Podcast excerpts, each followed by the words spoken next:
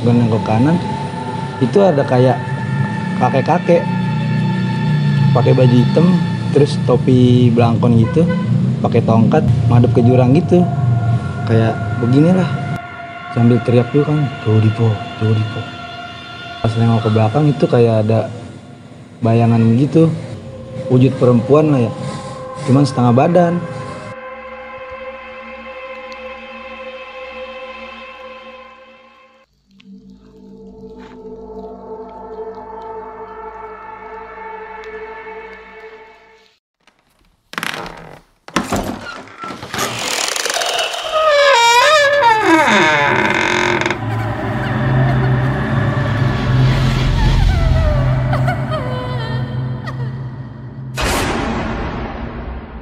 Assalamualaikum warahmatullahi wabarakatuh. Bertemu lagi di ngobrol.com dengan gue Jambe.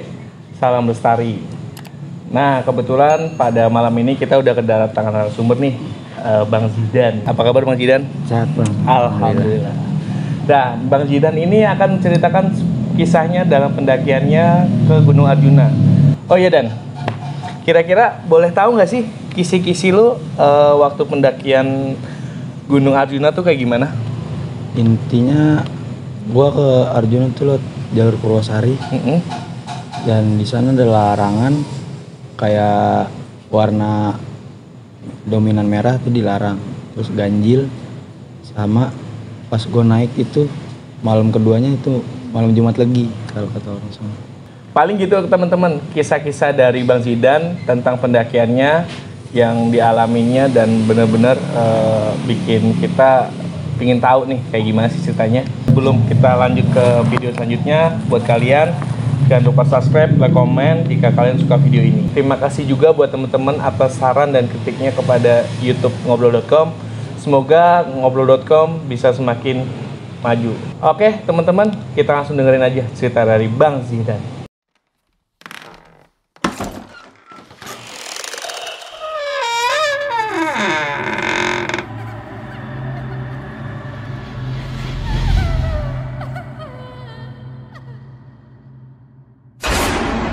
Jadi itu waktu tahun 2019 gua bertiga cowok dua cewek satu Bang Haji sama Katita gua kan dari Cikarang emang. Titik kumpul di stasiun Senen. Bertiga ketemu di sana. Udah udah mesen tiket kereta sekitar jam 9 malam udah ngumpul semua.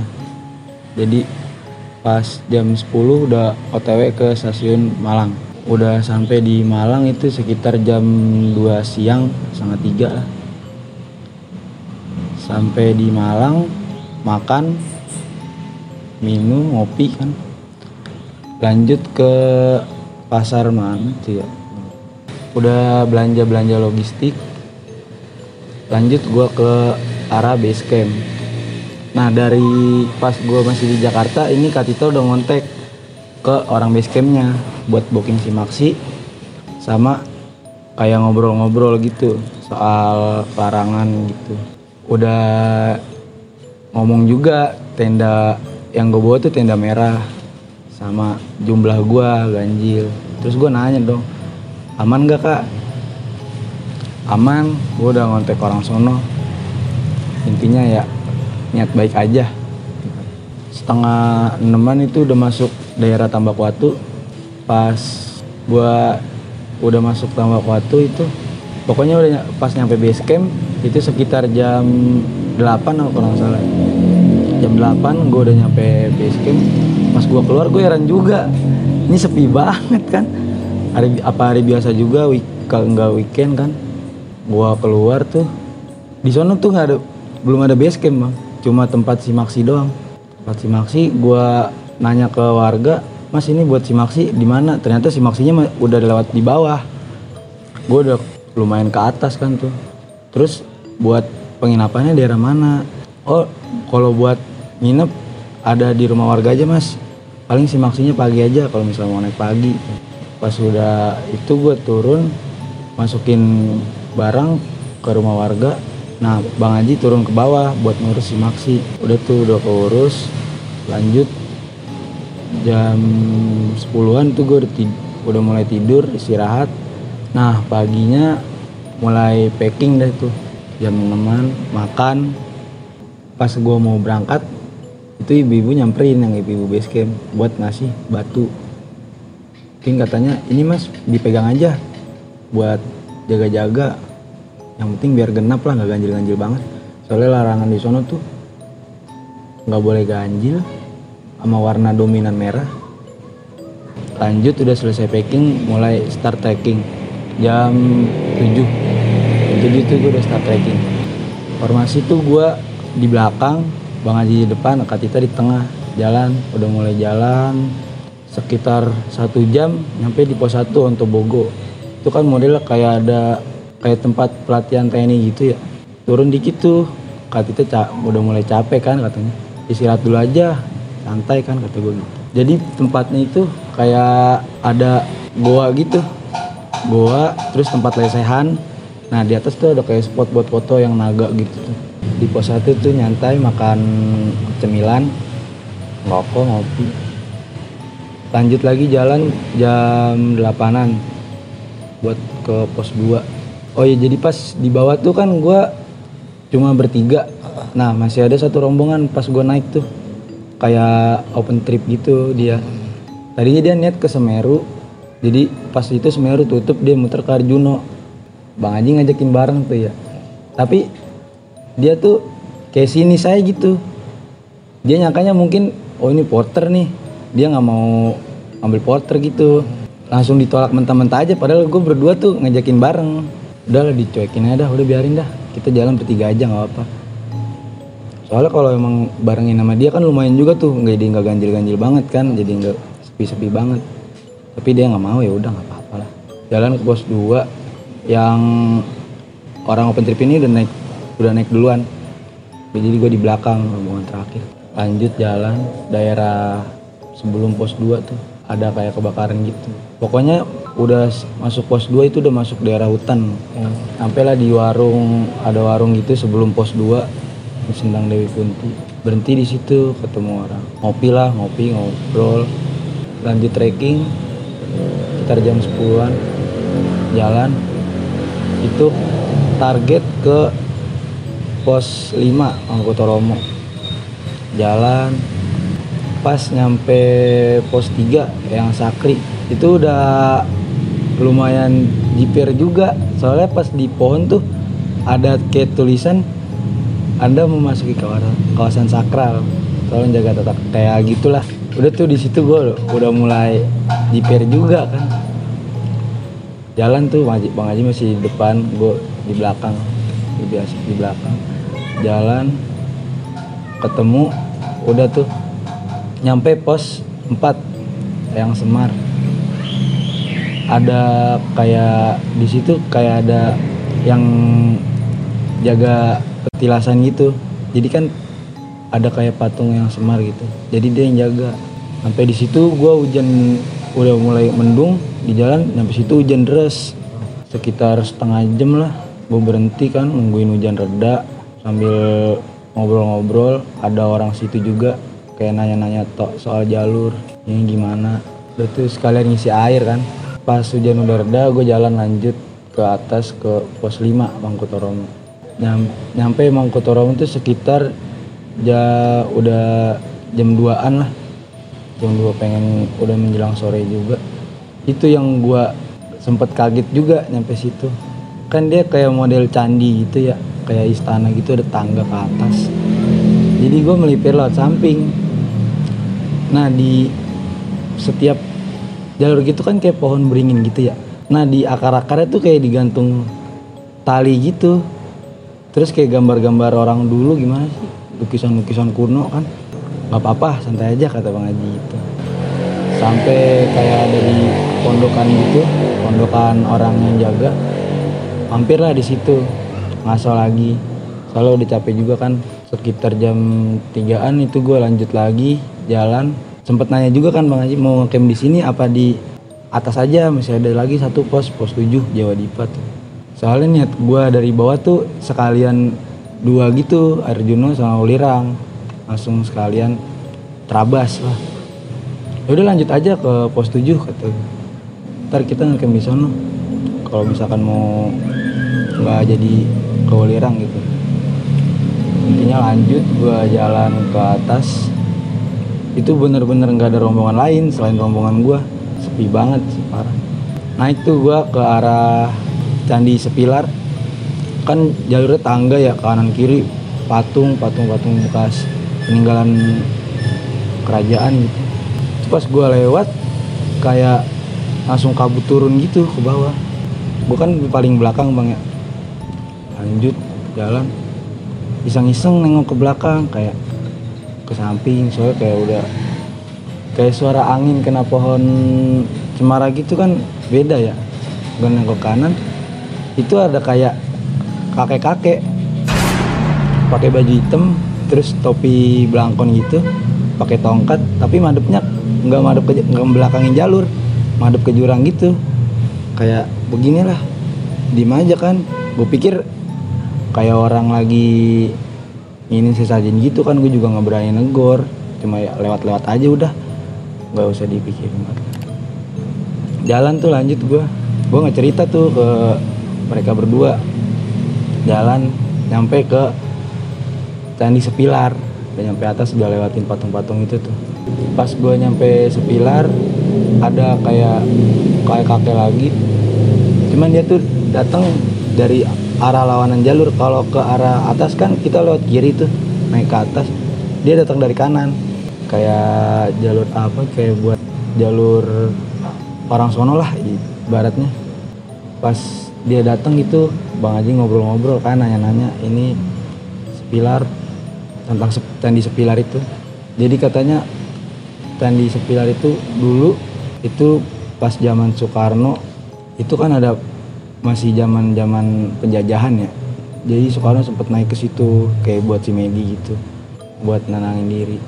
Lanjut dah tuh udah ngobrol-ngobrol udah gue bilang lanjut ayo bang lanjut. Udah sore kan takut kena malam juga. Udah sekitar jam empatan lah. Masih lumayan jauh kan ke pos 7 tuh. Jalan lanjut. Udah mulai jam limaan udah mau gelap lah.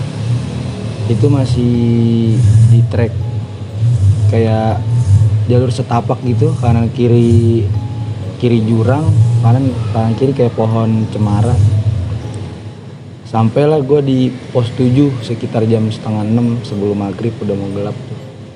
Ada satu tenda tenda orang Surabaya tuh yang sempat gue ketemu di pos 5 pas gue dateng kan bang gue sapa lah? Woi bang yang di bawah ya? Iya. Kata dia udah ngecamp di sini aja biar ada temennya kata dia gitu kan.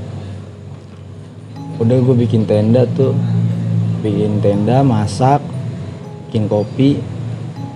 Pas jam tujuan gua keluar buat makan kan. Makan baru tuh ngobrol sama orang Surabaya yang berdua. Ngobrol-ngobrol. Lumayan lama lah sekitar satu jaman. Jam 8 tuh yang lain udah masuk ke tenda istirahat lah. Capek buat besok muncak masuk tuh gue tutup pintu tenda jadi Kak Tita tuh di ujung Bang Haji di tengah gue di pintu tenda. Belum pada tidur cuma ngobrol. Nanya gimana nih? kata Kak Tita. Jadi nggak kita ke Welirang lanjut. Apa ke Arjuna aja. Lihat besok aja lah kata Kak Bang kata Bang Haji kan. Lihat besok aja gimana besok? Tergantung cuaca kan. Jam 9 udah tuh udah mulai tidur semua. Kalau gua masih belum belum ada rasa ngantuk kan sempet. Gue bikin kopi aja bikin kopi keluar ngerokok tuh nyetel lagu. Sampai jam 10-an jam 11-an tuh gue mulai iseng kan pas gue lagi kayak lagi ngerokok biasa gitu. Terus ngopi kan. Tuh anginnya kenceng. Jadi suara pohon tuh udah beda banget kayak yang suara pintu gitu pintu-pintu lama. Ngek ngek gitu suara. Wah iseng nih. Udahlah masuk lah beresin kop. Apa gelas? Masukin nesting. Udah tuh gua masuk ke tenda mulai tidur. Alhamdulillah nggak ada apa-apa hari. Pas sekitar jam 2an tuh kalau nggak salah Kak Tita ngedenger yang tetangga orang Surabaya itu bangun buat ngajakin muncak bareng. Bang bang dia manggilin kan dari luar. Mau muncak gak nggak ada balasan kan dia juga mager kali ya. Capek ngantuk. Sekitar jam 6an gue bangun ini orang berdua masih tidur kata gue aduh mager banget nih orang berdua. Jadi muncak gak? Ya udah masak dulu deh masak. Masak kan gue masak sop tuh. Masak nasi mie sama sosis yang gue bawa dari bawah. Makan sekitar jam 7 tuh gue baru mulai muncak. Yang gue aneh gitu ya habis pikir juga. Soalnya pagi pas pagi itu gue sekitar jam 7 mau muncak itu cerah banget bang. Nggak ada kayak awan-awan mendung gitu. Bener-bener cerah banget kan. Ya sampai kan itu daerah Jawa Dipa kan depannya kan kebuka tuh. Itu kelihatan kayak gunung Raung, gunung Semeru di depan. Kelihatan jelas banget. Kan yang bawa carry itu Bang Haji. Gue juga nggak nggak mikir juga kenapa gue kayak mikir jas hujan dibawa kayak playseat gitu kan. Playseat kan udah gue pasang buat nutupin tenda gue yang warna merah kan. Anjuran orang sono. Buat ditutup tenda yang warna merah tuh.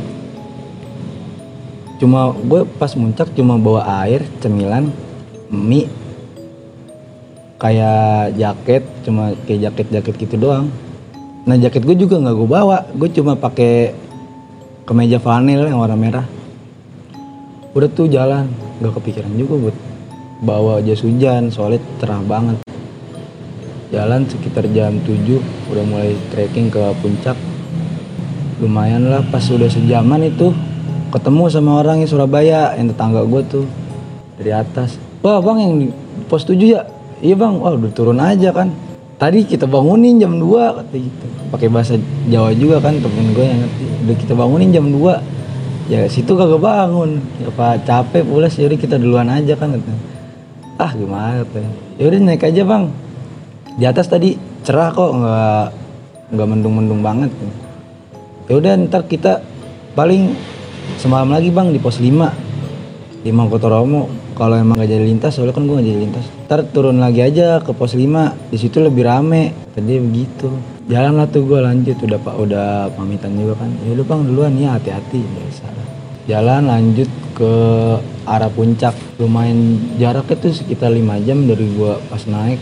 Sekitar jam 10-an gue sampai di pertigaan jalur Pelawangan yang ketemu jalur Alasali Jiwo kan. Ketemu tuh gue sama rombongan yang open trip itu yang dari Jakarta dia yang gak jadi ke Semeru. Ketemu sama yang di bawah gue ajakin bareng itu ketuanya nah pas di atas dia masih kayak nggak seneng begitu. Gue juga nggak nggak mikir juga kenapa ya. Ah udah bodo amat lah nggak mau gue pikir. Jadi peser, pesertanya itu di belakang kan ya. Ada tuh satu bocah cowok. Ketuanya tuh duluan. Nah yang di belakang ini dia nggak bawa air. Minta air kan ya. Bang masih ada air? Oh ada bang. Ya pakai aja. Mulai lanjut tuh dia udah udah minta minum. Jalan langsung ke puncak kan masih sejam lagi. Sekitar jam 12an sampai lah gue di puncak.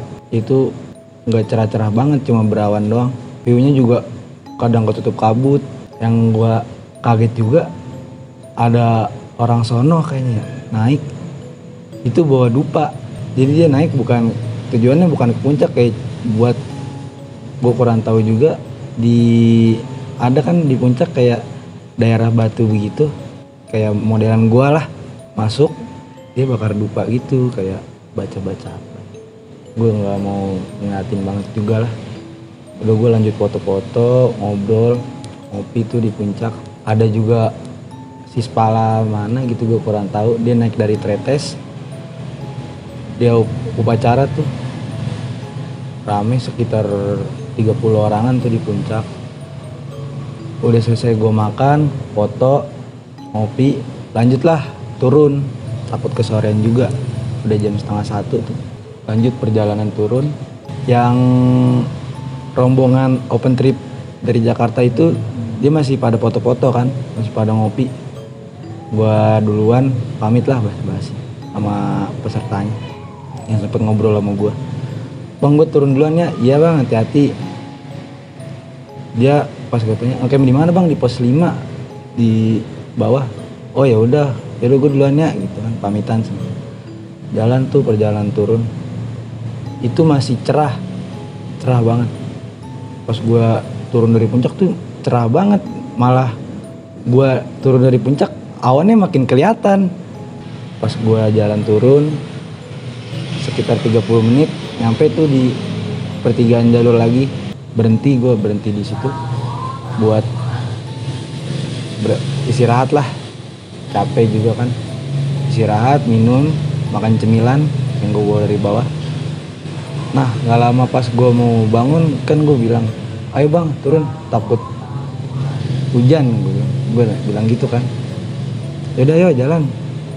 Nah pas gue baru lima langkah lah belum terlalu jauh juga itu suara geluduk geledek begitu habis suara geluduk gede waduh kata gue biasa gue aduh hujan nih. Ya gue sempet nanya tuh ke bang Haji bang tadi jas hujan dibawa gak pas dia buka wah tadi kan gak dibawa. Aduh gimana ya? Yaudah ya lanjut jalan aja. Lanjut tuh gue jalan bertiga nggak ada nggak ada nggak ketemu orang juga. Lanjut sekitar satu jaman jalan. Jadi modelan jalurnya kayak bukit penyesalan Rinjani gitu yang naik bukit udah nyampe atas ada lagi gitu kan. Turun lah gua udah jalan turun. Itu sekitar satu jam mendung. Aduh bingung juga gue kan mikir kalau hujan gimana nih PR banget kan. Ya udah lanjut aja kata gue bilang ke bang aja lanjut aja bang ayo bang. Takut hujan. Jalan gue sekitar nyampe ada lagi kan kayak tebing gitu kan ya. Jalan pas nyampe situ itu udah mendung banget awan udah lumayan hitam. Jalan lah gue yang pikir gue tuh itu tenda gue yang ngecamp di pos 7 itu udah deket. Makanya pas gue kan di belakang nyamperin tuh ke bang Haji sama Kak Tita bertiga. Bang gue duluan ya jalan ya. Oh ya udah kata dia berdua ya udah ntar bikin mie sama bikin teh hangat ya aman kata gue gitu kan. Yang pikiran gue itu tenda udah deket. Mulai lah gue jalan kan sendiri itu nggak tahu juga kenapa tuh gue tuh mikirnya deket juga kan. Jalan sekitar 30 menit turun itu geluduk lagi kenceng kan. Kanan jurang jadi jalur itu cuma setapak kanan kiri kayak rumput doang. Itu dia dari pas gua turun dari arah bawah tuh kayak kabut tebel bang. Aduh gimana nih? Kayaknya hujan tuh di bawah. Pas gue mulai jalan terus kan udah masuk kabut tuh. Wah hujan gerimis masih gerimis rintik-rintik. Aduh gimana nih gue sempat bingung juga di situ mau lanjut apa naik lagi nungguin mereka berdua kan. Pokoknya gue waktu 30 menit itu jalan kan lari cepet ya kalau dia berdua kan kayak jalan santai gitu. Gue coba buat jalan turun sendiri. Wah ini makin deres itu gue bingung juga. Wah gue naik lagi deh. Naik ke, at- ke atas lagi. Itu nggak hujan. Di bawah cuma di bawah hujan itu udah tuh gue sempet berhenti di situ nungguin dia berdua sambil bakar rokok lah santai. Ada pohon gede begitu bekas kena petir kan bolong ya. Gue nunggu di situ sambil bakar rokok. Sekitar lima menitan tuh hujannya naik ke atas. Wah makin deras kata gue gue bingung nih pikiran gue apa udah lumayan gue tunggu kan? Udah sekitar setengah jam gue nunggu di situ nungguin dia berdua. Gue teriak tuh bang nggak ada nyaut. Lumayan gue manggil manggil tuh ada kali 10 kali ya. Bang nggak ada nyaut juga. Udah gue panggil 10 kali belum ada yang nyaut. Gue sempet panik juga di situ. Gue pikir mau ngapain lagi ya? Oh gue rekam aja kan. Gue coba buat panggil lagi. Pas gue manggil ketiga kali tuh bang baru dia nyaut. Woi dan. Bang. Tempat kata gue temu tuh baru kelihatan dia kan. Di atas kabut juga tuh bang gue panggil. Ya dan tunggu situ. Gak taunya dia juga udah di atas udah hujan udah basah juga dia berdua. Untungnya dia bawa rain cover kan kayak HP terus benda-benda yang lain bisa ditaruh di carrier kan. Bang gue nitip HP nih udah mulai basah. Pas gue udah ketemu tuh sempet masih hujan udah ya turun lanjut aja kata bang udah lumayan deras nih soalnya kita gak bawa playset gak bawa jas hujan. Udah tuh gue lanjut jalan. Itu di situ mungkin paling parah ya se- selama gue ngandaki. Itu paling parah. Jalan di kanan geluduk petir kenceng kan. Itu jalur yang gue jalan jalur jalur pendakian tuh jadi kayak sungai bang. Air ngalir. Jadi gue jalan di pinggir-pinggir kan rumput tuh. Ya sempet berapa kali kepleset bangun lagi kepleset bangun lagi. Jalan terus tuh lumayan masih jauh juga tenda. Waktu itu pun pas tadi gue pikir tenda udah deket kayaknya ya. Makanya gue minta buat duluan. Ini kenapa jadi jauh banget? Kan bang Haji lihat bawa jam tuh. Jam udah pas dia lihat jam udah jam 4 setengah limaan. Gimana ya? Katita juga waktu itu udah kayak ngelangkah juga buat udah buat ngelangkah udah susah banget. Udah ngedrop lah ya. udah ngedrop banget lah parah. Gue coba buat semangatin kan. Ayo kak lanjut. Ini kayaknya udah deket nih. Iya jalan kan. Gue sempet digandeng di jalan udah mulai lemes banget lah. Udah kaku lah kaki keram. Gue juga sebelah kiri gue tuh buat ngomong juga udah susah kayak kaku. Takutnya hipo doang kan. Pikiran gue tuh aduh ini gimana ya, hipo nih bertiga kayak gitu. Tapi bang Haji waktu itu udah lanjut aja jalan dan. Minimal gerak kan. Minimal gerak biar anget dikit lah nggak terlalu kerasa dingin. Udah lanjut jalan. Sampai waktu gua lanjut terus kan Katita tuh kepleset jatuh. Gue sempet mikir juga gue salah apa sampai begini banget kan. Jadi kata bang udah lanjut aja dan. Jangan berhenti, jangan berhenti. Minimal gerak biar nggak kaku banget kaki. Gue lanjut buat terus jalan. Itu udah di punggungan terakhir. Ketemu udah ngeliat tuh gue dari atas tenda. Alhamdulillah kata gue nyampe kan. Udah tuh gue turun bang ini tip- ini bang Katita barengin. Oh iya. Gue niat gue tuh nyinin tenda soalnya itu daerah tenda gue udah kerendam air udah banjir. Untuk waktu itu tenda masih baru kan belum tipis-tipis banget bawahannya. Nggak terlalu ngerembes. Dalamnya tuh nggak terlalu ngerembes air jadi banjir di dalam juga. Gua bikin jalur air tuh udah mulai surut nyampe lah kata udah kak ganti baju dulu aja bikin teh anget tuh. udah tuh dia ganti baju ganti baju yang masih kering bikin teh teh anget.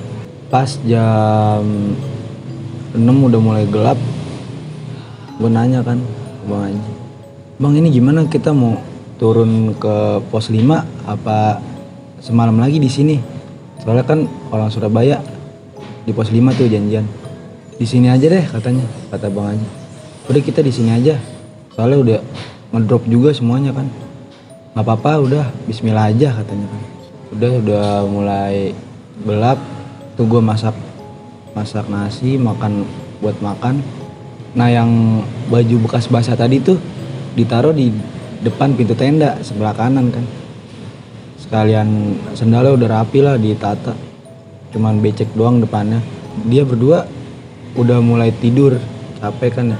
Kalau gue waktu itu belum gue orang kalau di atas tuh susah banget buat tidur bang. Kalau gue nyeduh kopi lagi kan itu pas gue lagi ngopi sendiri di luar ada langkah dari atas. Gue pikir kan orang yang abis muncak itu.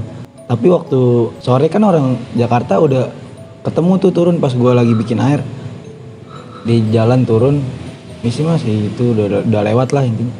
Terus siapa nih? pikir gue kayak suara orang paulut gitu kan pakai kayak suara sepatu bot lah duk duk duk gitu kan. Gue pikir tuh dari atas nggak kelihatan kan. Soalnya pas gue keluar tuh gue nggak bawa senter cuma HP doang lah nyetel lagu. Udah nggak kelihatan kan di atas gelap. Lampu tenda paling lampu tenda di da- dari dalam itu juga. Udah gue lanjut kan tapi gue tungguin kok nggak lewat lewat kata gue udah mulai iseng di situ. Gue masuk lah ke tenda udah nggak beres ini kata gue masuk ke tenda. Dia tuh udah tidur. Gue tutup tuh kan dingin juga gue tutup lah pintu tenda. Pas di dalam tuh paling gue cuma mainan game offline lah ya. Gue main game, off- game offline tuh. Gue pakai jaket udah mulai dingin juga gue pakai jaket. Pengaji kan di tengah kita di pojok tuh gue di pintu. Mainan HP. Lagi fokus main kata gue itu ada lagi suara duk duk duk duk kata gue Pesan tadi gue tungguin hampir 10 menit lebih kagak lewat-lewat kenapa ada lagi tuh. Sempat merinding juga gue di situ kata gue pikiran gue udah ke mana ke mana baik kan? Ah gue tinggal tidur aja lah. Itu tuh gue udah udah iseng banget lah. Pintu gua tutup rapet pintu tenda udah gue pakai SB gue selepingin gue pakai headset kan biar nggak kedengeran tuh suara. Gue tinggal tidur tidur tidur ayam lo gue paksa. Gue tutup semua kan SB nggak kelihatan tuh udah merem. Nah pas nggak lama gue tidur ini cerita kan gue gua gabungin ya. Jadi ber, gue bertiga tuh cerita pas udah nyampe homestay. Pokoknya nggak lama gue pak gue maksa tidur itu Bang Haji yang di samping gua itu kebangun. Tapi pas dia mau bangun begitu badannya nggak bisa gerak kayak nggak bisa gerak dari ujung kaki itu dia ngerasa panas kan. Panas banget sampai perut. Kata dia kenapa? Kenapa ini? Dia bingung kan. Dia mulai baca baca tuh di situ. Baca ayat kursi lah dia, yang dia inget waktu itu katanya. Nggak lama hilang tuh alhamdulillah. Udah lanjut tidur kan dia. Nggak lama dia hanya tidur. Lanjut ke nih itu pas dia bangun buat nyari minyak kayu putih. Udah pakai minyak kayu putih kan dia ngolesin lah ya. Pas nengok ke belakang itu kayak ada bayangan gitu. Pokoknya kayak muka kayak wujud perempuan lah ya. Cuman setengah badan. Itu ngarah ke pintu tenda ngarah ke gua ke arah gua. Pas dia ngeliat tuh nggak lama kayak ngangkat sendal ke arah pintu tenda dia kan bisa masuk. Sambil teriak juga kan jauh po dia liatin nggak lama dia apa kan ngedip ya? Dia ngedip atau udah di posisi tidur kayak tidur pertama gitu. Pas dia melek lagi itu dari arah dia ke depan gitu. Kan kalau yang tadi kan dia ada pintu tenda pas dia melek lagi dari arah depan tuh kayak bayangan gede lah. Rambutnya panjang kan. Dia ngeliat itu bayangan gede. Udah nggak berani ingat lagi dia tutup lah pakai pintu SP dan yang baru gue sadarin itu pas gue malam kedua gue di situ itu malam Jumat lagi gue juga sempat baru tahu pas gue arah turun. Lanjut tuh alhamdulillah nggak ada apa-apa cuma sekadar disengin doang. Lanjut paginya gue bangun pertama dia masih pada tidur berdua sekitar jam 6 itu cerah banget. Gue buka pintu tenda pas gue buka kan gue cerita cerita di bawah tuh. Itu pas gue bangun gue pertama bangun pertama gue buka itu dari yang tadinya rapi sendal gue tat. Itu sendal yang sebelah kanan ada di ujung pojok jurang. Cuman pas gue ngeliat itu gue nggak gue tanyain soalnya gue belum tahu kan cerita dari dia gitu udah tuh gue masak buat makan. Saya makan kan gue bikin dia bikin gorengan buat di jalan ngemil di jalan buat dia arah turun. Lanjut arah turun arah ke pos 5 Mangkot Romo itu yang orang Surabaya udah mungkin udah turun ya? Nggak ketemu gue lanjut gue ke pos 4 sampai pos 4 tuh yang di yang Semar gue nyampe jam 12an lah udah siang pas gue nyampe di situ kan ya ngobrol ketemu lagi tuh sama yang mbak yang ngobrol kemarin sama bang Anji nah pas gue baru nyampe di situ ada yang ketemu waktu gue di Candi Sepilar kan ada kakek-kakek tuh. Itu dia turun dari arah atas. Nyapa kan pakai bahasa Jawa ngobrol sama Bang gimana semalam di atas? Aman nggak Bang aman Pak. Alhamdulillah. Bener kata so, dia cerita soalnya semalam itu malam Jumat lagi. Alhamdulillah tuh nggak disengin soalnya dia cerita di pos 7 itu sekitaran Jawa Dipa bawahan dikit itu kayak daerah kampungan gaib daerah perkampungan lanjutlah gue packing lagi buat persiapan turun ke bawah. Sambil ngisi air itu gue pamitan kan yang jaga di situ kan suami istri ya ibu sama bapak gue sempet ngobrol juga kan lumayan akrab. Lanjutlah gue turun ke bawah. Pas di daerah abis pos 3 sebelum Sendang Dewi Kunti itu pos 2 itu pas gue turun ketemu orang di bawah. Dari di arah naik. Mas hati-hati di bawah ada sarang lebah. Tadi baru kena temen saya kena sengat itu pas gue lewat situ itu lebah banyak banget. Tapi cuma gue yang kena sengat gue juga bingung perih banget kan itu kena di pala langsung lah gue jalan kan cuma ngolesi minyak tawon bentar. Lanjut turun ke bawah. Sekitar jam 7 malam gue baru nyampe nyampe base camp. Pas gue nyampe base camp itu ibu-ibu yang di base camp nanya kan lo mas nggak jadi lintas oh nggak jadi bu. Malam di atas hujan nih. Gue nginep semalam lagi paginya gue baru ke stas ke Malang buat mampir ke temennya Katita ada kan di Surabaya. Ke Surabaya dulu makan ketemu temennya. Baru sekitar malamnya tuh gua ke stasiun Pasar Turi Surabaya. Barulah pulang arah alhamdulillah selamat semua Begitu teman-teman eh, cerita dari Bang Zihdan tentang pendakiannya ke Gunung Arjuna via Purwosari. Nah, paling gue sedikit tanya-tanya nih dan tentang pendakian lu waktu tahun 2019. Kan waktu itu lu naik bertiga ya dengan Katita dan Bang Aji. Dan di situ kan memang eh, Bang Aji ini sosok yang benar-benar jadi sosok yang bijaksana dalam pendakian lu. Ya, Bisa dikatakan dia pemimpin lah. pemimpin dan penenang lah. Dan yang pingin gue tanya kan gini, ibu-ibu kan ngasih batu tuh. Batunya bentuknya kayak gimana? Bisa dijelaskan nggak secara rinci? Batu tuh batu tuh manfaatnya apa aja sih sebenarnya? Kalau menurut kepercayaan kan ini kearifan lokal ya jatuhnya kan. Nah gitu. jadi waktu itu tuh batu ya se gini lah nggak gede-gede banget kayak yang batu itu halus halus nggak lumayan gede paling sekepal doang tapi kalau menurut kepercayaan orang sono paling buat ngegenapin Hmm. jadi buat nambahin jumlah gitu Jadi kan lo naik bertiga, jadi jatuhnya kalau bawa batu itu jadi kayak Ah, berempat jadi gitu. berempat. Hmm. soalnya per- kalau kepercayaan orang sono itu nggak boleh ganjil Dan di situ lo juga pakai baju merah ya. iya Dan kenapa sih baju merah atau warna merah itu dilarang? Sal, boleh tahu nggak? Lo tahu nggak? Itu gue juga kurang tahu banget. Soalnya waktu pas gua mau berangkat juga yang nanya tuh Katita kayak nggak boleh pakai Baju merah. merah.